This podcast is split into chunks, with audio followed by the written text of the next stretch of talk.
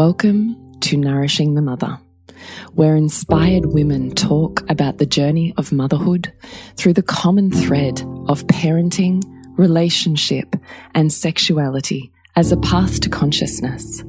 We keep our conversations honest, our experiences real, and our philosophies exploratory. We believe that in order to raise incredible humans, we first have to raise ourselves. We know that in order to rock the family, you've got to nourish the mother. If you are here, you care about paving a path of conscious and intentional motherhood, connected with yourself and your gifts, and also illuminating your children in theirs so we may raise more whole humans who can impact this world in a more humane way. If you desire to integrate this learning practically and supportively into your life, then Soul Driven Motherhood is your space to go deeper head on over to nourishingthemother.com.au or follow any of the links on our socials for Soul Driven Motherhood. We are Julie Tenner and Bridget Wood, and we're so grateful you're here. Hello and welcome to Nourishing the Mother. I am Julie Tenner. The beautiful Bridgie will be joining us very soon in the podcast. And today we have a very special guest the divine Sallie Roberts, who is a naturopathic skin specialist and women's healing facilitator. And we'll be having a conversation today on loving your imperfect skin as part of the Body Love series. So, before we dive into experience and wisdom, the emotional, the physical, and the psychological aspects of skin conditions and how they affect your sense of self, I would love to remind you to jump on to nourishingthemother.com.au, scroll on down, drop in your email address, and you join our community where we send you out an email to keep you in the loop and let you know what is happening where and when. So, nourishingthemother.com.au. So beautiful Sallie, mm -hmm. specialist extraordinaire, because I'm a bit obsessed with your Instagram feed. Really? Yes, because the information you give on there, I'm always like, oh man, it's like super deep and punchy and powerful. And then I'm a sucker for a before and after photo. I just like love that shit so hard. Yeah. So I really enjoy following you on Instagram. So I would highly recommend that everybody does. But that if you yourself are struggling to please book an appointment with Sallie. But first, let's just kick it over to you. How did you come to being where you are now, skin specialist, women's healing facilitator. How did you get here?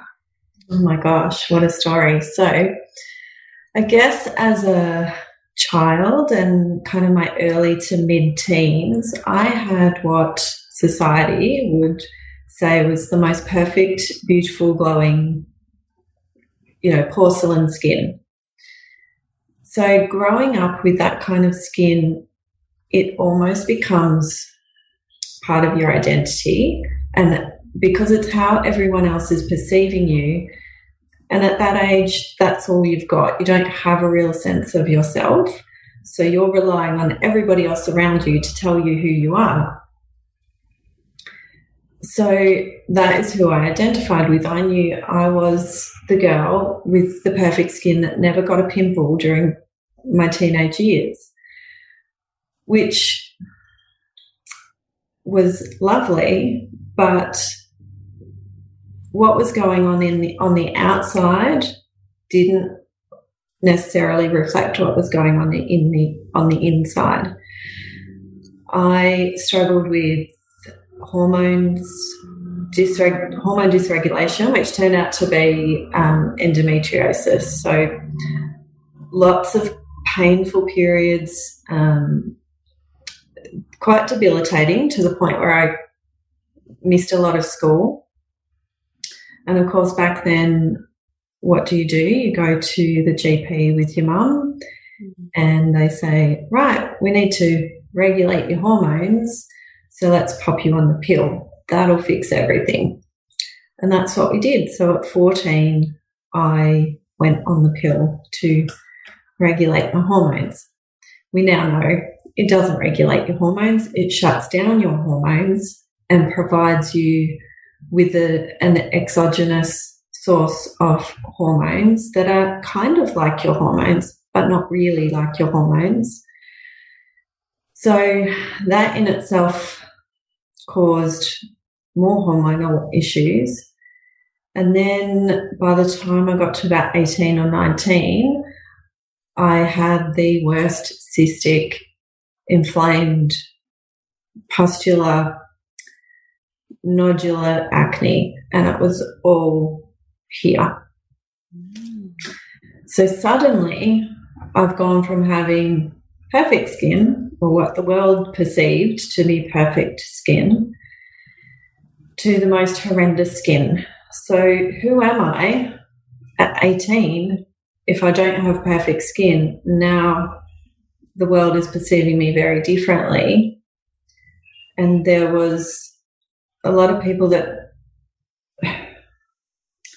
either lacked compassion or empathy or a filter a lot of the time and would just outright tell me what was going on with my skin or ask me.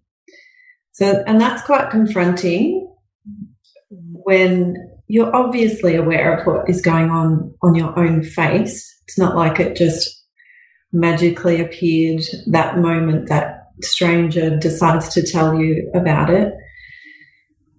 So that was a lot to deal with. And I think my my self worth and my sense of self, my identity, it was all torn apart because suddenly you can't, you've got to second guess everything that you do.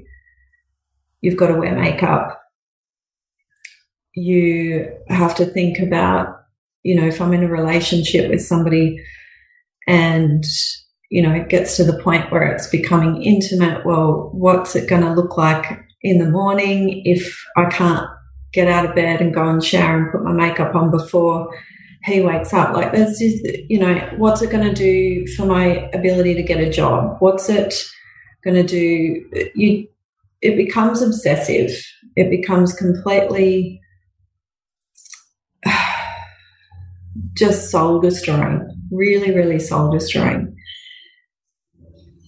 You'll have moments. I remember having moments of you know, whatever I was doing, I'd be in flow, I'd be quite happy, and then I would catch a glimpse, glimpse of myself either in the mirror or walking past a shop window. And it was like a jolt back down to, oh, you might feel that way, but that's not how you look. Mm. You look inflamed, you look sore, you look pustular, you look awful. So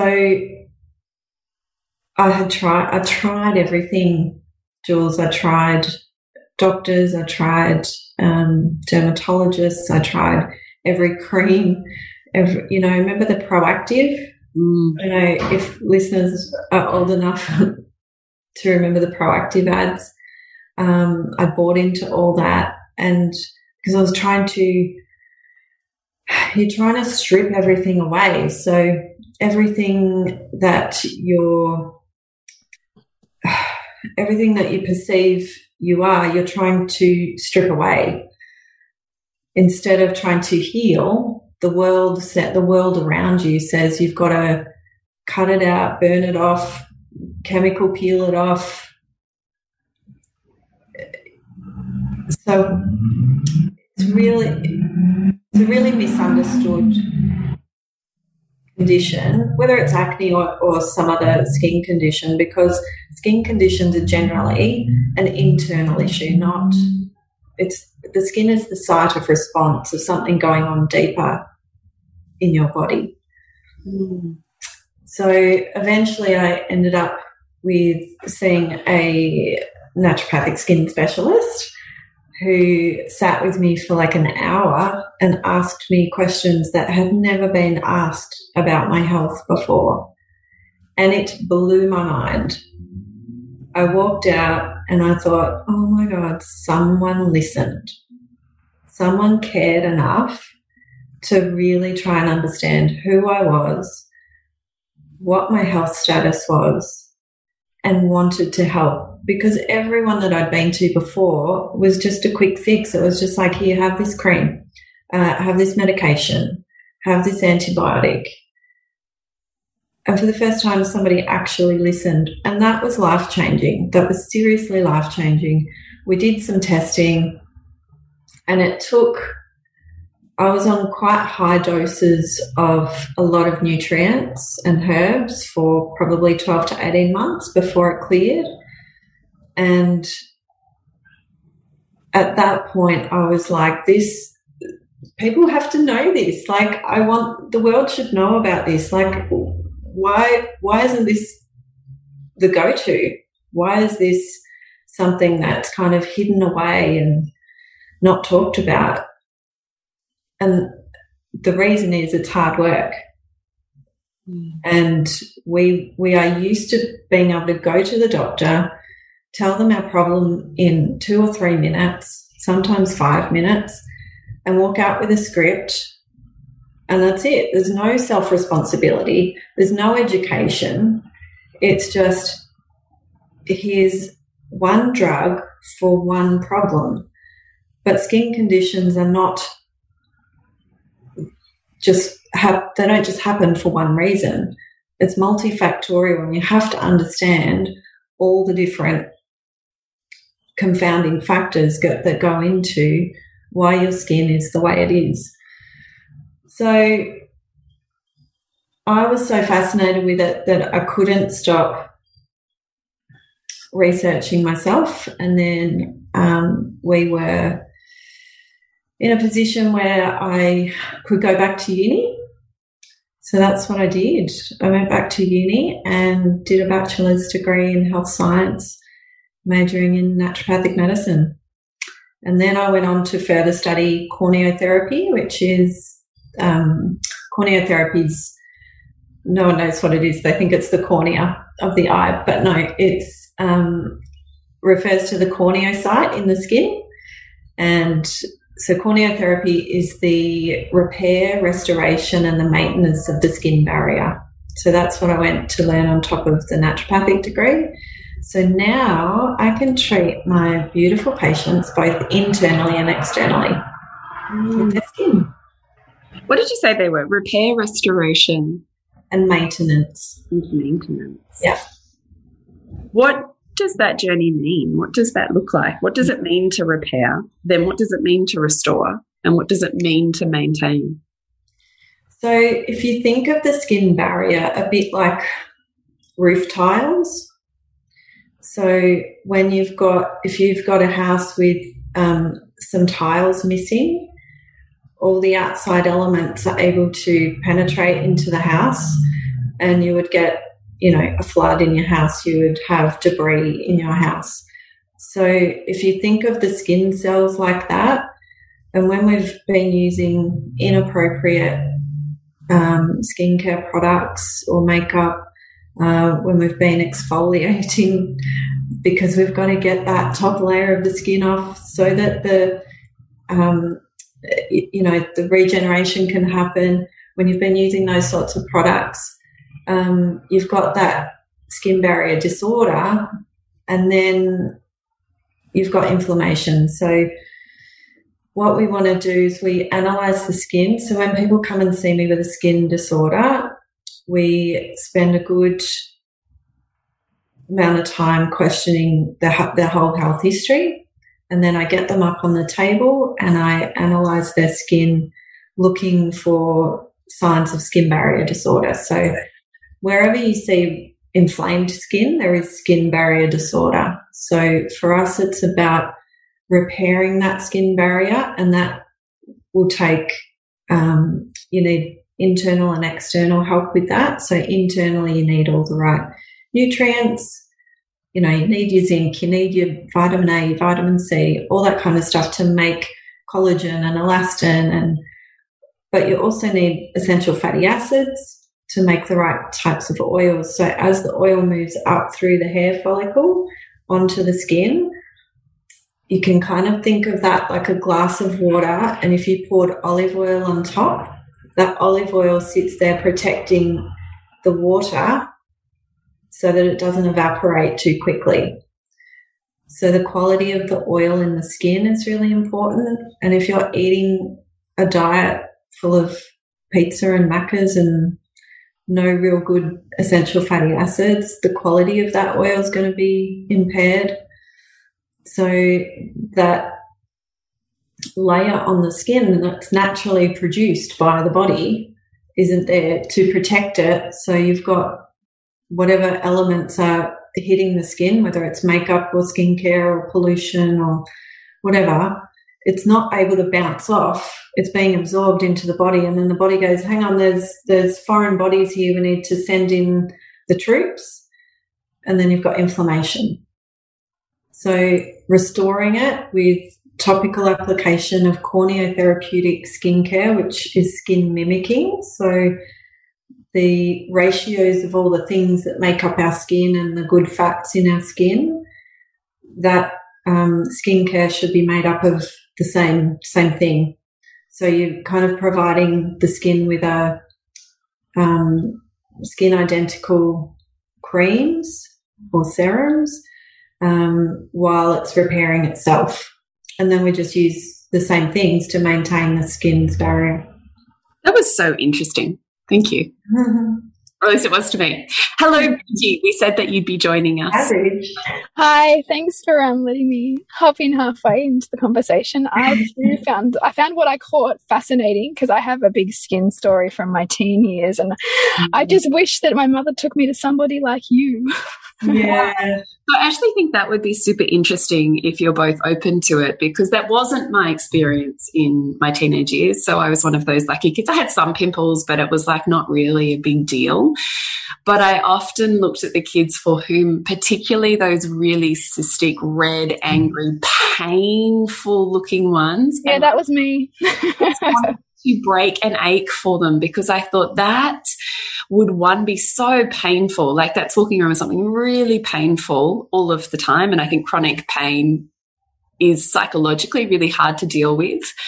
And then you add on top of that, that this skin, which I often think actually, Sallie, I mean, you and I both know as naturopaths that skin is the largest organ in the body, but rarely do we think of the skin as an organ.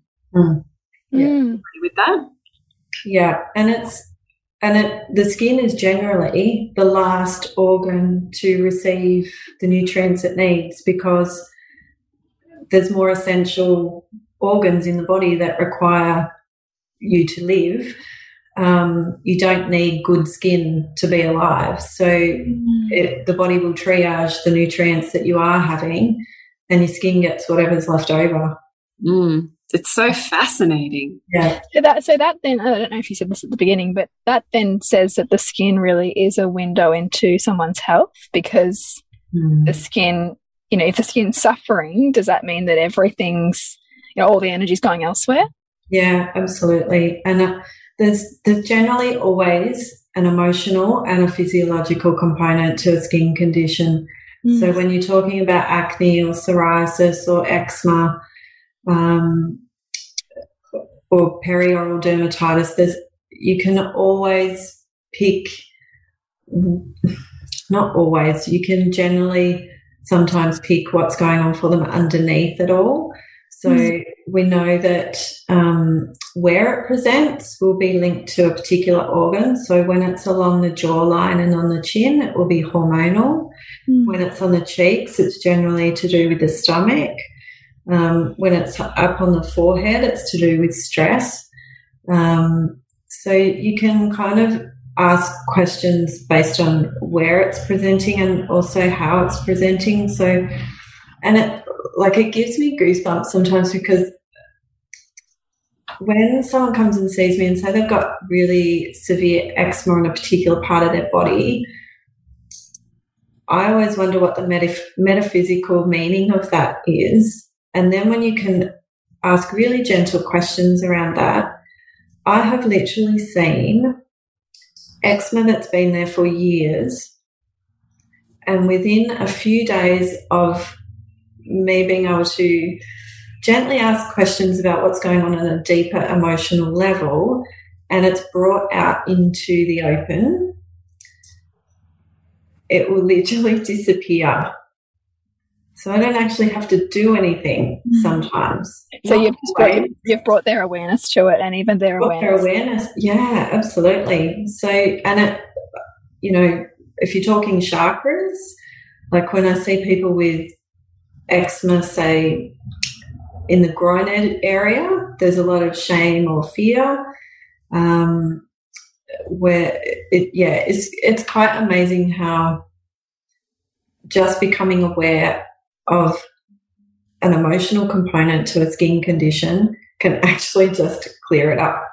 But I mean that that would be revelationary for some people. Like you know, you're talking about you're talking here about you know the hormonal aspect of skin. Um, mm -hmm and I, that was my story was it was all my chin which is I, and that was always the answer oh it's just hormonal yeah. but that was where the conversation ended it ended. was then it was then like well what you know yeah. what drug can i put you on and then i did my mom used to take me to see this lady who was great like she was kind of like a dermatologist but again it was just the focusing on the skin itself and what was going to work with the skin there was nothing deeper around what might be manifesting that. It was just kind of, oh, well, you know, it's teenage kind of skin and yeah, this is problem skin yeah. without any, um, like, and it, the whole thing, if you consider it being hormonal and, and often being like angry skin is almost like an, you know, self hatred or, or, or, anger, like repressed anger, right? And and what happens is unless it's acknowledged and given somewhere to go, or even as a teenager, if I knew what to do with that, it just it's self-perpetuating because you've then got this face that you're presenting to the world which still keeps you in that space of feeling ugly or feeling or hating yourself or feeling stuck and or exposed or you know whatever um, the connotations are for that emotionally. So you just end up in this cycle. I mean i think for me the only thing that helped it clear up was going on the pill. Mm -hmm but you know we all know the problem that's just a whole whole other set of challenges that we know that that has with it. So i just love the conversation around um, looking at this from a with a wider lens um, yeah. and, and, that whether it's women listening for themselves or women who might remember this conversation when their children are older mm. and and see another pathway um, to explore i just think it's such a rich discussion to be having exactly and i think it's um it's just really important to remember that there will always be, like I said before, there's a, there's never just one reason, and teenagers and acne is what I see a lot. And that yes, there is a biological, physiological reason why that's happening. We know that androgens increase during teenage years, and androgens are the ones is the one hormone that's kind of like the master hormone of um, sebum production, so the oil production in the skin. Um, so that there is going to be that kind of up and down until you know the teenagers kind of find their their hormone rhythm. But we've also got to acknowledge the um, the emotional impact that has because we know that people with acne, and particularly teenagers, have higher rates of suicidal ideation. They have higher rates of mood disorders. They're less likely to engage in school. They're less likely to engage with friends. They're less likely to um, experience sexual and intimate relationships. They're less likely to get the job compared to somebody who doesn't have acne but with the same experience and qualification. Um, it, the quality of life for some people who are affected with skin conditions is phenomenal. Um, and it's something that we need to, you know, open up discussion about because so many people are affected by it. Yeah, well said. I was just wondering when you're talking about the metaphysical um, or emotional or psychological underpinnings of a skin condition, mm-hmm. what would be two or three questions that our listeners could reflect or ponder on or ask themselves that might lead them on a pathway of a little bit of insight for themselves? Yeah, so maybe, um, so whenever you see red in skin, that's anger. So where are you suppressing the anger? because it's coming out your skin. So there's something going on that you're not able to, there's no safety in releasing that anger or you don't know how. So, is there someone you can talk to about, um, you know, what might be going on for you there? Um, and maybe they often find when people have got the the pustular acne, they're like eruptions. So, are you wanting to erupt somehow and not able to? It's getting stuck. You're not able to actually either verbalize it or get it out, move it out of your body in a healthy way.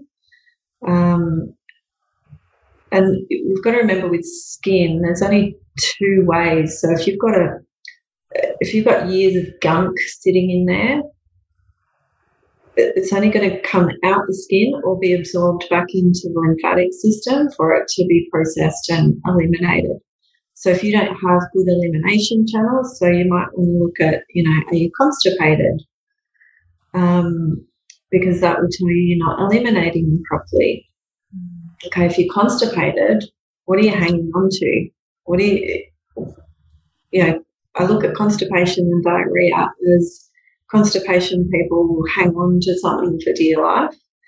Diarrhea people just, they let everything go. So where are you not able to erupt safely? Mm. Mm. Can I ask you earlier? You said when people use inappropriate skincare products, what does that mean to have an inappropriate skincare product? Mm. So, look, some people are really lucky and never have to worry about it, and they can buy anything off the shelf and they don't react to it. But for a lot of people, that is not the case. So, if you've got um, disordered skin barrier, so you've got those leaky, those, those um, tiles that are missing off the roof, like I was explaining before, and you go and put something with perfume, you know, because we all love a bit of skincare, and you open the you open the lid up and it smells beautiful. Well, that just means there's perfumes in there, and they can be really, really irritating. So you go and put that on the skin, and then it gets irritated, and then you put something else over the top to kind of calm that down. So it's about um, you know, that is why I'm trying to encourage everyone that I come across is to use corneotherapeutic skincare because it's skin mimicking, it's medical grade, it's it's customizable to your skin. So if you look at the amount of ingredients on your, know, your foundation or your um, acne cream or your eczema cream, it's quite astonishing. Like even um, I've got access to like a database that tells me what because you like the, some of the ingredients you've never heard of and you've got to go and look it up. The some of them are plastic. Some of these foundations that are supposed to cover everything up actually include plastic in them. Like oh, you can't put that on your skin and expect it to be healthy. Like you wouldn't eat it, so why are we putting it on the skin? I love that reflection. If you wouldn't eat it, why is it on your skin? Hmm. Yeah. Have, have, you touched on that on just on, on how much the skin absorbs? Because that when I learned about that, that was pretty astonishing. Was just how porous you know everything that we put on our skin you know because i think back to as a child like my dad used to clean our hands with like mineral turps you know and like you just don't really think of it. But in fact that's all being absorbed into your bloodstream. Yeah. Yeah straight into the bloodstream. And depending on what it is it can be up to 80% of it going into your bloodstream causing another inflammatory reaction you know? It's not mm. supposed to be in your body. So your body will send out the troops to try and get rid of it somehow. Gosh, that's kind of scary, up to 80%. Mm. Crazy. Uh, you also mentioned before that over exfoliation can create um, breaks in the skin mm. barrier. I, I was like, oh, yeah, I'm guilty of that. I am like, oh, I need to exfoliate. I need to strip skin layers continuously to maintain my youthful skin. and I'm like, ooh. yeah. Oh my gosh, everyone loves an exfoliation, don't they? So and that goes back to corneotherapeutic principles is that we want to maintain that barrier, not strip it away. So um, we do use exfoliation in um, corneotherapy, but we use very gentle and sometimes so you've got um, two types. You've got the physical exfoliation. So I remember using um, what was that product? It had like apricot mm. kernels or something in it, and you'd just slap it on, and you'd be it'd be all over you, and you'd be red raw by the time you got out of the shower, and you'd be like, "Oh, this is great! I'm going to be glowing." But what you've just done is you've just stripped away all the natural oils that are there to protect. You've stripped away all the like we've got a skin microbiome. We've got um, that that we need to take care of that's trying to protect us, and then we just go and strip it all away. Um, so what we actually use is um, a really gentle enzymatic exfoliation. So it's enzymes from pineapple and papaya and some clay, and we use it wet. So enzymes that help to desquamate or have the shedding of that set the cells on that top layer, which is a natural process, obviously. Um, but in order to help that in a healthful way, we use enzymes to help break those bonds that are kind of holding the, the cells together. Um, so it's really gentle. It's anti-inflammatory, and you're not you're not just stripping everything away as you do it. So, what's an appropriate amount? Because I this is literally like one of my main focuses. I will use the skin, the acid peels, fruit acid peels. Uh, I, I'm mad for those exfoliators, clay masks, and then I can like rub off. What is too much? too much would be is if you're if you're asking it's too much yeah, pretty much. But look, you've got gorgeous skin, Jules. We know that. Um, so, but it's not affecting your skin. So you've obviously got a really strong barrier. Yeah, although I do with that. I do get that hormonal the week before my period. I always get um I always get breakouts on my chin. So it's mostly that I really focus on am I exfoliating my chin mm-hmm. and am I exfoliating to remove, um, because I'm also aging and getting those sort of darker skin. Mm-hmm. So I find that it helps with that. So one that I wanted to ask, so I mean, please feel free to answer that question. Then I'm just going to hit you up with a couple more and then. so part of my question was around that hormonal skin thing. I, am still fascinated by that. So if we could have a conversation around that. And the last point is lymphatics for me. So if I have not tended to my lymphatic system, then I do get cystic, like literally right over my um, adrenal glands, just under your chin, uh, adrenal glands, lymphatic glands, just under my chin. I will literally get cystic eruptions mm. there, which is so clear to me about whether, because when I tend to my lymphatic system, they never appear. And the second I stop attending, there they are. So feel free to start anywhere. oh my gosh, the hormones, that's complex. We know that um, we know there's a delicate dance with females and their hormones at different times of their cycle. When that's out of balance, so if you've got, so we need estrogen. We love estrogen. It helps with collagen production. It helps with plumping up the skin. Um, we need progesterone too, but when you've got that spike at the end, like just before you start your bleed, you've got that spike in progesterone. So progesterone will encourage sebum or oil production.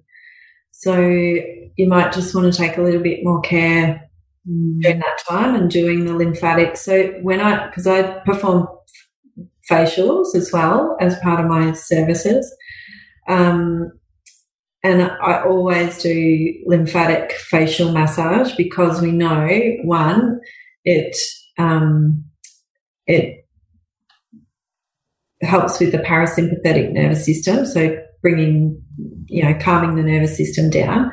And we know that um, we need altered states of consciousness, so that deep sleep, the relaxation, the REM sleep, all that to help with healing, not just skin, but all everything in our body. We need that those states of consciousness. So between the lymphatic massage and being relaxed, then we can bring nutrients to the to the skin, and we can help with waste as we're doing the lymphatic drainage massage. Um, so I guess yeah, back to hormones. Sorry, I went on a tangent there. Um, hormones, you know, there's different hormones during pregnancy. So you've got some women will break out, and for other women, it's the first time they've had glowing skin. So that will all depend on where their hormones were sitting before pregnancy and what their nutri- nutrient levels are during pregnancy. Um, but we've got to remember the sun. Oh my gosh, sun. We've got to look, look out for the sun. So pregnancy will stimulate melanin stimulating hormone.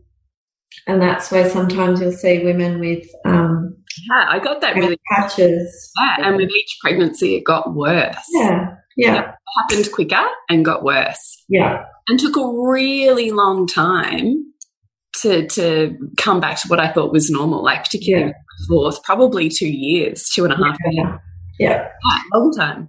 Yep. So that's that melanin stimulating hormone. And then when you go out in the sun without sun protection, you're stimulating the melanocyte to produce the melanin. And that's where you're getting that patchy brown, mm. brown spot. So sunscreen is uh, number one number one for anti-aging number one can I, for can I ask that mm. sorry because we, in, especially in natural health there's lots of focus on getting enough vitamin d and getting vitamin d from the sun not synthetic vitamin d yeah and especially in winter in melbourne there's an argument that you yeah. actually want to leave your skin uncovered um, to get that vitamin d yeah but here you're saying you know you've really got to cover your skin cover your face get your body out yeah. just cover your cover your face with the sunscreen because that's where it's going to affect you first.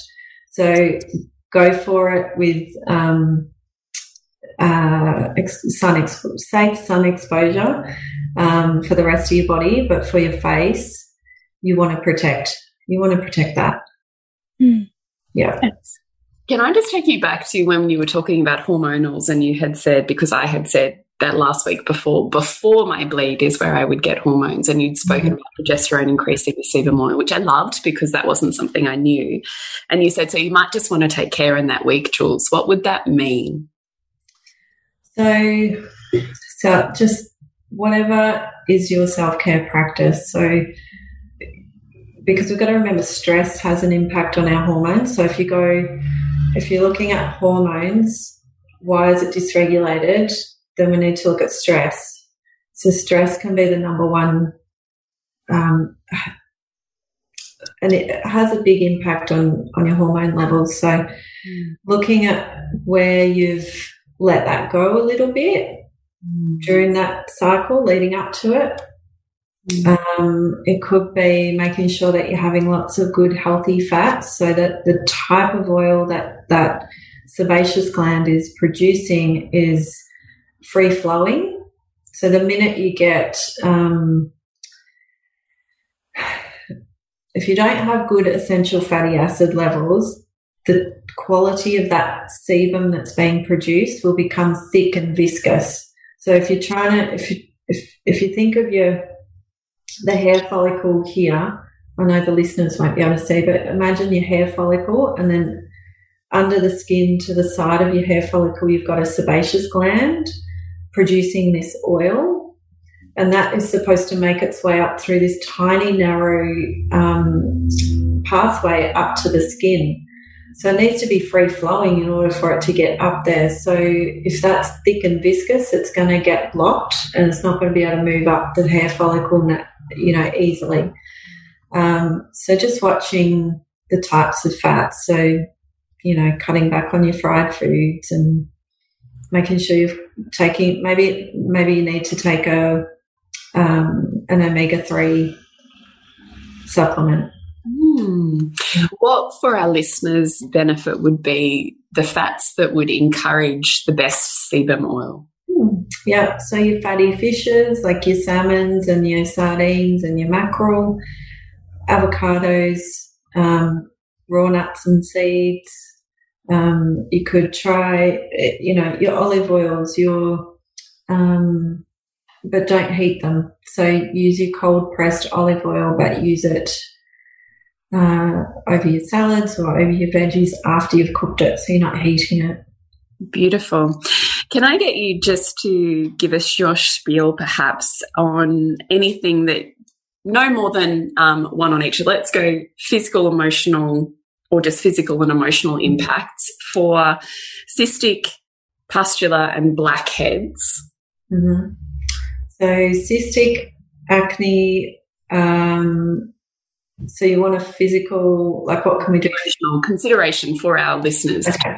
okay, here's two things for you to consider if you are experiencing cystic acne, mm -hmm. blackheads. I don't know if there's another word. Yeah. Pustular. Yeah. So for all of them, what type of skincare and makeup are you using? What are the ingredients in it? Um, physically, what's your diet like? So we need it's very rare that I would see someone with any type of acne, whether it was blackheads, pustular, cystic, that have adequate zinc levels or optimum zinc levels. So I would say get onto a quality zinc supplement. Emotionally, go and see someone like Jules or Bridget to help you work through awesome. some or, or me to help you work through what is going on underneath because um, that is just as important as the physical side of things. What about for something like psoriasis or, or eczema? Is there a slightly different approach or is it the same steps? Um, psoriasis is generally we're going to look at something autoimmune going on, um, but that is triggered with stress triggered by triggered by stress. So, what are you doing to alleviate or reduce or delegate some of that stress elsewhere so that your body can heal? Um, and that you know the autoimmune component to it, we always look at zinc, probiotics, and vitamin D. We know that those three um, nutrients in particular will help with both eczema and mm. psoriasis because there's an immune, um, an uncontrolled immune response in both those conditions. So the body's unable to regulate itself. So we want to help it, help the immune system um, modulate it, modulate the immune system. Thank you. I think that's super helpful. So I want to bring it back perhaps to how it's how this conversation is just a bit relevant before we wrap up today to body love. Mm. So I mean, Bridgie and Sallie, what have been your experiences? I mean, I loved, I know you missed it at the beginning, Bridgie, but Sallie gave us the most beautiful story and insight into what her struggle and sense of identity um, that felt stripped away or torn apart the experience of a game like we've spoken about in other body love podcasts around people commenting on another person's body and the impact that that, that has particularly for a human who's trying to develop their sense of self. So i just wonder if we can just take the conversation to that kind of juicy area around the psycho-emotional aspects of skin as it relates to body love and if there's any way that you both would like to take that conversation yeah, I love that we take the bringing this on because with every podcast that we've done as part of this series, it's tapped us beautifully into our own stories and our guests' stories, knowing that our listeners are going to tap into them in the way that touches them too. And I mean, I think skin is such a big one because, you know, whether it's the color of your skin, whether it's how your skin looks or feels, whether it's the you know the ways in which you judge yourself in your skin. Like it's it's how you present yourself to the world. Mm. it, it's you know it's it's what we walk around in. And i mean certainly looking back at my experiences which were really really challenging. I remember work i used to work at like the um, checkouts on safeway or woolworths and really conscious of how I looked, but you know, I would try to cover it with makeup and and one person who I'm sure thought that they were being helpful said to me, "Oh, you know, I had really bad skin when I was young too." And it was crushing because I I was trying to hide it. You know, I was that that was my most vulnerable place and you know, like I would have strangers comment on it trying to be helpful, but actually it just it mm. as a teenager and as a 15 year old it was just heartbreaking and you know i think possibly for me contributed a lot to that void of of needing to know more right? Like not just accepting that this is just my reality and i have to just deal with this but you know it's that more of that but why why is it like this? And and how can i heal at a deeper level? And what's beyond this? Because I certainly, I mean, at around the same age, I also got glasses like for seeing things like for short-sightedness. And i was really self-conscious because i realized how much people could see me because i didn't think they could see me because i couldn't see other people because of how blurry my vision was. Oh i think we might have just lost her. Hopefully she'll come back. Talking about blurry vision and boom. And it was on my own being seen, you know? Yeah, we lost you for a minute there. We lost you at blurry vision. Boom, you cut out. Oh, really? I was I was saying that you know the moment at the time that I created the blurry vision like in my like my physical body was almost like at the same time I was going through not wanting to be seen so I won't see the world because I don't want it to see me mm. right? Like almost like a defense mechanism. And I find that so interesting that, um, you know, those deeper levels of manifestation that we do to try to cope with life. Mm. And, um, and certainly at a time I think when we're young. And even you know even when you're pregnant and you have skin issues and again it's another identity crisis right? It's just a new identity crisis at a new life stage. Again you know you're dealing with your body changing and it's not just yours anymore and you're sharing with someone else and you're asking to expand in every way and then you're also struggling with how you're presenting to the world and, and to yourself and who you knew yourself to be. I mean i think it's it's really challenging and I love that we have practitioners that can help heal that. But I, I also love the questions we can ask around, you know, what is this stretching me into, and what's it asking me to let go of, or or transform how I view things to, or how I see myself. When I um, yeah. there's lots of I, I, really hear from both of you how awful that experience was for you of having other people comment on on your skin. So as a parent, what would be the best way to approach those conversations with our children? Like, what did your 15 year old self need to hear or want to hear or would be receptive to hearing? My mum was really beautiful in that she did her very best, and I could see it pained her as well, like that she really struggled seeing me struggle so much. So I think that it helped. I, I felt seen by her. Um, but I think if she had the capacity to see more deeply emotionally what might have been going on for me, that, that if she had been able to seek out some kind of healer that could help me tap into that, I would have loved that. Mm. Um, I would have loved her to, um, I think, create more space for me to feel how I felt about it without trying to fix it with the next thing, even though she, you know, she really felt that that was what I wanted was to fix it. But also, I think the medicine for me would have also been in, in actually how do you build yourself here? Mm. Yeah, how do, yeah. So, um, but of course, you know, I always think about, you know, the mother child dynamic, and I certainly was replaying aspects of her own teenage wounding, but just in a different form. So she could be with me to the degree that she could be with her teenage self.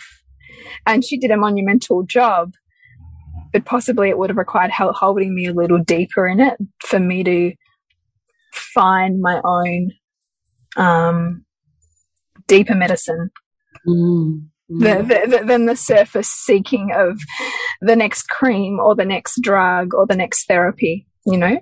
Mm. What do you think, Sallie? Do you have any opinions on it? Yeah, look, I um, it just reminds me of um, look, not everyone that comes to see me is willing to do the work that it takes, and I often see these just heartbreakingly wounded teenagers who are becoming a shell of themselves and not able to show up like they want to. And, you know, even when they're, they're in my clinic room, their whole their postures forward they don't they can't look you in the eye because they're just so ashamed of how their skin looks they don't want anyone to look at them mm. and what i and that there's absolutely no judgment here on it but what i do see is the parents frustration in that like what you were saying bridge they want the next magic pill mm. and there is no magic pill and i'm sitting there telling them that this is going to take work we might have to do testing this might take 12 to 18 months. And they're just not willing to do it. They just they and sometimes they'll come and see me two or three times and because i haven't fixed it in three weeks they just move on to the next thing. Mm and even through telling, you know, talking with the parents and sort of saying, you know, we need a we need a team approach. We need to understand what's going on for them um, emotionally and physically, and maybe then they would be it would be beneficial for them to be seeing a psychologist for some of them because it's so deeply wounding for them that you know I don't I don't have the time in that clinical space to to help them through that. What they're there to see me for is to help them with Mm. nutrients, herbs, and topicals. But I, I can delve a little bit into the emotional side of things in that. But they actually need a whole team of people. And if that's, if I can, if I can just say one thing to the parents is do this for the long course. Don't think that there is a magic pill out there and try, you know, try drug after drug or skincare after skincare without actually doing the work and listening to the people who are trying to help because that is what's going to get the teenagers some what's the word? The, they, the teenagers that come and see me, they need some kind of hope other than here's a script. If they're allowed to take responsibility for what they put in their mouth and what they, their thoughts, their skincare, if they're allowed to take responsibility for it, then that is what's going to heal them. Because we, at the end of the day, we, we can have all the people around us but if we're not willing to do the work ourselves, we're handing over responsibility to somebody else, and it doesn't work that way. Mm. So I would just say to the parents just stay the course, get the right people behind you, and help them see how they can heal themselves. Do you think many teenagers are willing to stay the course like that? No, there's not a lot. Um, I do see teenagers come and go quite quickly, but because I don't have a magic pill. Um, and that's where I feel it's on the parents to really encourage them to stick with it. You know, we don't, we don't give these kids enough credit that they can do it. Mm. And we, the parents are often, like you were saying, Bridget, they're expressing something that the parents are repressing. Mm. And often it's confronting for the parents to watch what's going on for their child because it means they have to look at themselves and sometimes they're just not ready. Mm. I, I, also wonder how much of the you know the skin eruptions or the anger in the teenage skin is not just the child's but also representative of yeah. potentially the family dynamic. Yeah, and that that could be really confronting for a parent to sit with. Yeah, whether they're conscious of it or not, right? Yeah, yeah. And it, it's funny when you have a teenager and a parent in the clinic room with you, and I always ask the child the questions, how many times the parent jumps in to answer for them. Mm. If they don't have the child couldn't possibly know the answer, the child couldn't possibly get this right. Um, you know, sometimes I do have to direct some of the questions to the parent, but I try to stay engaged with the child. But you can see what's going, who's going to be in this for the long haul based on whether the parent will jump in and try and control the answers. Mm. What would be the major food considerations teens would need to consider? Um, zinc. Um, what do they eat? What I find is um, teenagers suddenly have a newfound financial freedom because they might have a part time job and suddenly they're going to school without breakfast being made in the morning. On the way to school, they'll grab an egg and cheese roll from the bakery, they'll get a chocolate milk, and then they won't eat all day because a lot of teenagers, particularly the girls, won't eat in front of anyone. That's a whole other thing. But um, and then they're getting home and they're eating you know, whatever's in the pantry, chips, chocolate, two minute noodles. So essentially they're having one meal a day. Um, so biggest consideration, particularly for acne, is that they need to eat protein, they need to eat zinc, and they need to eat regularly. So no fasting. The whole this whole intermittent fasting thing can work for a lot of people, but not when you've got acne and not when you're a teenager. Why is that?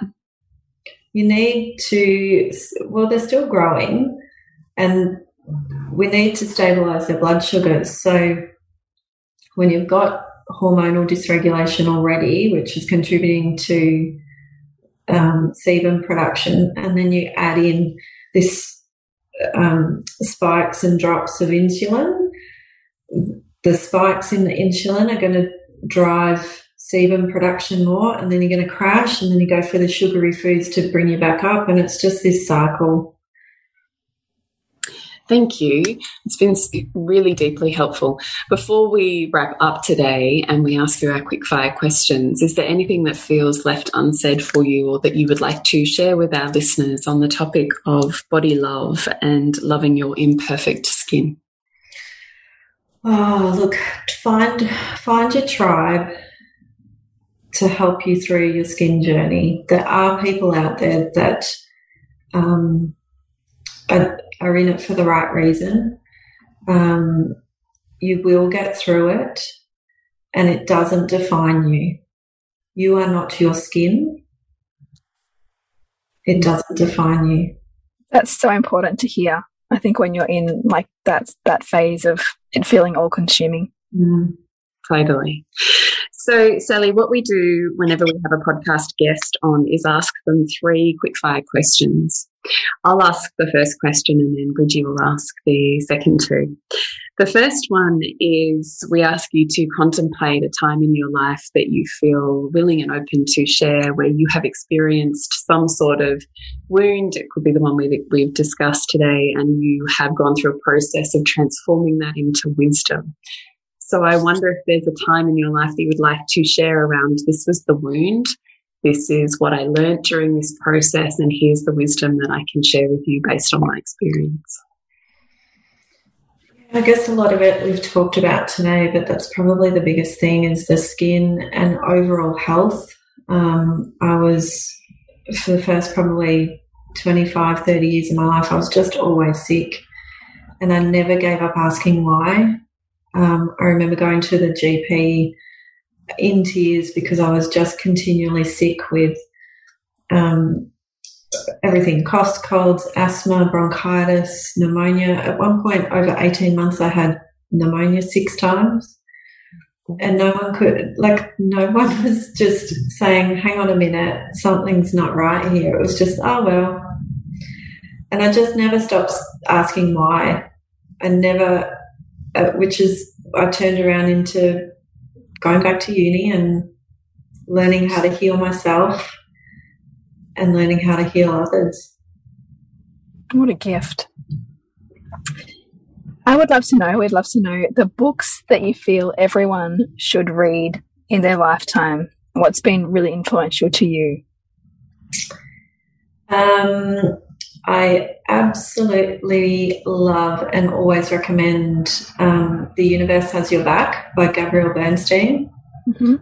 um, I think for people kind of on the cusp of, you know, whatever you want to call it, spiritual awakening, woo woo, whatever it is. Um, I think her book has a really simple and poignant approach to understanding that everything happens for us rather than to us. And if you're willing to look for the learnings, they are there.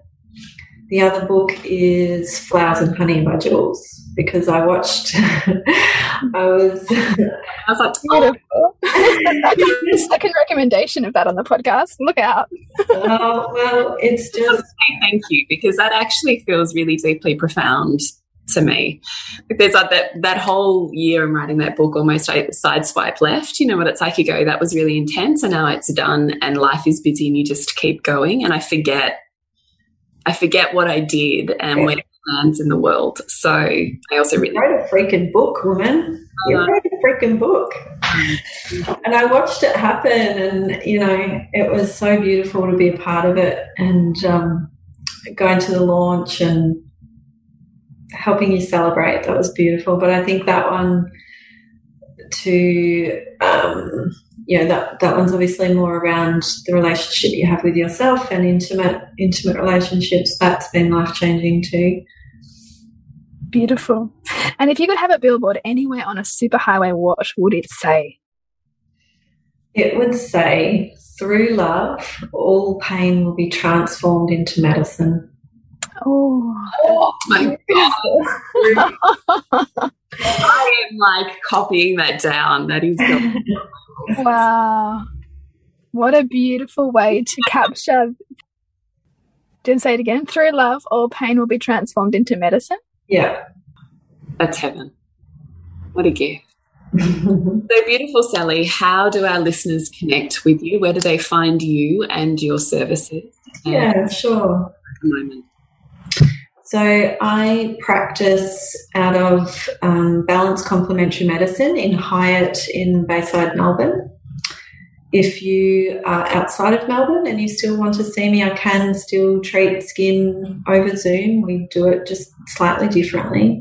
So that uh, you can contact me at sallieroberts.com.au and it's Sallie with an IE just to be painful.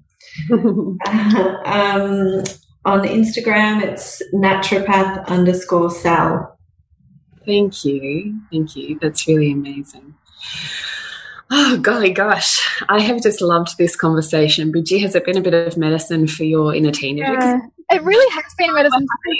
My inner teenager feels really heard and also really grateful that um, you're doing this work in the world. And it just even that quote that you wrapped up with with the billboard, I just thought like that that is this story, right? Like how can mm -hmm. I mm-hmm. love this and it be medicine? Yeah. Like um, thank you. It's beautiful. So Sallie is coming into Soul Driven Motherhood to run an extended and deeper conversation with us. So that is happening on the 10th of June. So if you are in Soul Driven Motherhood, you can look forward to that. And please feel free to put forward any questions that um, we can certainly send on to Sallie. And if you're not in Soul Driven Motherhood, then get on in there. It's only $39 for the entire month. And you can find out more at nourishingthemother.com.au, Nourishing the Mother on Facebook and Instagram. And to connect with you, Bridge. It's bridgetwood.life. And you, Jules? It's julietenner.love. Remember to nourish the woman to rock the family. And we'll see you next week when we continue to peel back the layers on your mothering journey. I nearly had a spaz out then. All right. Big love to you. We will see you next time. Thank you so much for listening. We literally couldn't do this without you. Please share this podcast with anyone you think it would be medicine for. And if you're ready to ask, in what ways can I show up more fully, live more meaningfully? Parent more wholly, and love more unconditionally? How can I mine the wisdom from the experiences of my life and expand into those challenges? Then you're a soul driven, heart led mama who's ready for conversations and a community that supports her journey. Come join Soul Driven Motherhood. We'd love to have you. And if you feel like giving back a little to this free content, please rate us on iTunes or Facebook, all of which helps the podcast reach more mamas who need this type of tonic for the soul.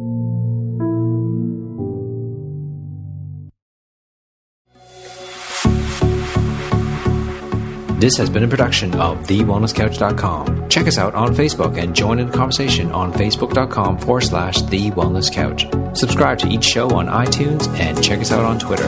The Wellness Couch, streaming wellness into your lives.